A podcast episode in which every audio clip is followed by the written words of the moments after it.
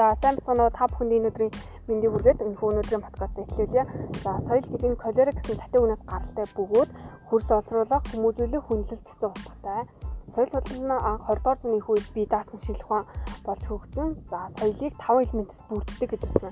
За ямар ямар 5 элемент вэ гэхээр бэлэг, тэмдэг, хэл, үнэлэмж, хим хэмжээ, мэдлэг гэсэн 5 элементээс соёлыг бүрддэг гэж үзсэн.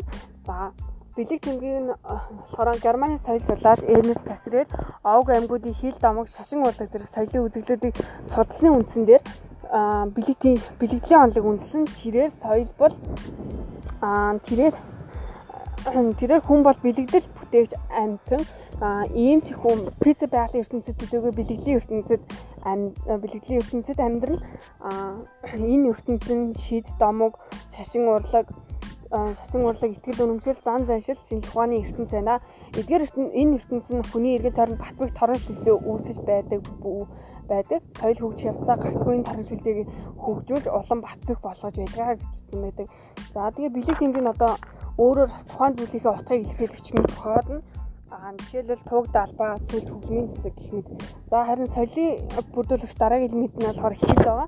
Хэл нь болохоор хүний оюуны ертөнцийг илэрхийлэх мэдээллийг мэдээллийг бүтээж дамжуулагч а мэдээллийг бүтээж дамжуулагч бэлэг тэмдгийн болон аман бэлэг тэмдгийн систем ам болон бичгийн хэлээрээ үйл ажиллагаа. За дараагийн элемент нь болохоор үнэлэмж гэж байгаа. Үнэлэмж нь юуг зөвөж хүлээмжрэх бас юуг үзэх талаар нийтэд хүлээмжрүүлсэн эрхэм чанарыг үнэлэмж гэдгээ. За хим хэмжээ нь болохоор хүмүүс тодорхой хүрээ цаг хугацаанд биш харин ямар ч байнга дагаж мөрдөж байх үйлдвэрх байдлыг ерхий дүрмийг хэмжээ гэдгээ. Дараагийн мэдлэг соёл бүхэн хүний амьдрах ухаан, амьдралын арга туршлага болж байдаг гэдэг утгаараа мэдлэг мөн гэж үздэг. Мэдлэг бол хүний танин мэдх үйл ажиллагааны үр дүн бөгөөд үзэгдэл үйл явдлаа шууд хатаж юм уу гэсэн төрлийн тохиол тэмдэгтэр дамжуулан хүлээж авдаг мэдээлэл юм аа. За ихэд соёлын тэмдэг, хэл, үнэлэмж, хим хэмжээ, мэдлэг гэсэн таван зүйлс бүрддэг. Аа бас мэдлэгийн таван төрлөдөг. Шид дамууг, философи, шашин урлаг, шашин урлаг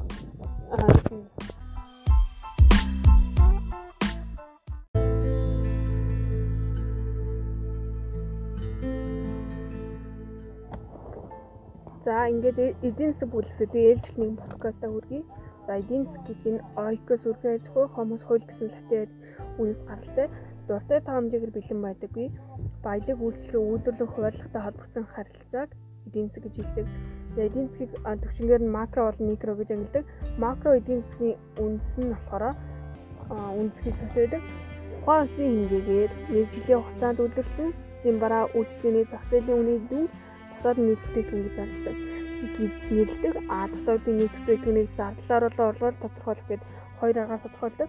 Дотоодын нийт бүтээгдэхүүнийг орлогоор орлогоор тоолох нь болохоор тухайн улсын хэмжээнд жилийн турш үйлдвэрлэсэн баяны орлогын нийлбэр дүнгээр тодорхойлох аргыг дотоодын нийт бүтээгдэхүүнийг тодорхойлох орлогоор тооцох гинэ. За нь болохоор хэрэглэгчийн эцсийн хэрэглээндээ зориулан худалдаа авахд зохицуулсан бүтээгдэхүүн үйлчлэгээний задлын нийлбэр дүнгээр дотоодын нийт бүтээгдэхүүн тодорхойлох аргыг зарлаа тооцох гэж нэрлэдэг. За дотоодын нийт бүтээгдэхүүний орлогоор тооцох араас нь юу юу ордог гэх юм бол цалингийн орлого орно, төрөөс орлого ордог, үндсэн хөрөнгө хэрэглэл орно, зээлийн хүүгийн орлого орно, шууд дотор орлого ордог, аж ахуйн нэгжийн ашиг орно, өмчлөгчийн орлого ордог. За дотоодын нийт бүтээгдэхүүн зарлаар тооцох нь болохоор өвхий хэрэглээний зарлаар нь аж ахуйн нэгжийн зардал, төрийн зардал, гадаад хэрэглээний зардал гэсэн зүйлүүд ордог байна дотоод нийт бүтээгдэхүүнийг өнөөгийн үнээр тооцныг нэрлэн дотоод нийт бүтээгдэхүүн дотоод нийт бүтээгдэхүүнийг харин тогтмол үнээр тооцныг бодит дотоод нийт бүтээгдэхүүн гэж нэрлэдэг. За тэгээ дараах нь эдийн засгт орж ирдэг гол зүйл нь инфляц. Инфляц нь үлээх өргөдөх гэсэн утгатай. Эдийн засагт бүтээгдэхүүн үйлчлэгээний үн ерөөдөө өсөж хүн амын худалдаа авч чадвар буурах үзэгдлийг хийдэг. А их хэмжээний мөнгийг харьцангуй бага хэмжээний бүтээгдэхүүн ноогдох болж эрэлтийн хэмжээ нийтийн хэмжээнээс давж өсдөг. Үүнийг одоо эрэлтийн инфляц гэж нэрлэдэг. За эрчим хүч, үр тариа, бензин, шатхуун зэрэг үйлдвэрлэлийн чухал нөөцүүдийн үн эсвэл цалин хөл өсөх үед өсдөг үнийг зардлын инфляц гэж нэрлэдэг. За инфляц нь дотроо хэвийн инфляц, тохиолдсон төгсгөө инфляц, мөнгөө инфляц, цагаан инфляц, гипер инфляц гэсэн төрөлтэй байдаг. За хэвийн инфляци нь болохоор тухайн нөхцөл дах барааны хомсдол хүн амын орлогын дутаг зэрэгс үүдэн төрийн ямар нэгэн дэмжлэггүйгээр гардаг инфляцийг хэвийн инфляц гэж байна. За зөвхөн инфляц нь болохоор төрийн мөнгөний болгоод үүдэн гардаг инфляцийг хэлж байна. За мөрхийн инфляц нь инфляцийн түвшин нэг оронтой тоонд байвал мөрхийн инфляц гэж үзье. Аа цагаан инфляц нь болохоор 2 оронтой буюу 20% дээш байвал аа цагаан инфляц нь гипер буюу жолоодлохгүй инфляц нь болохоор инфляцийн түвшин 3 оронтой тоор орох юм бол бүр гипер инфляц болгоо. За санхүүгийн зах зээл нь болохоор үнэт цаас мөнгө э, зэрэг санхүүгийн эрсдлүүдийг хөдөлгөх бодлоо хуулийг ингэж нэрлэдэг байна. За хаалт хандсан баярлалаа.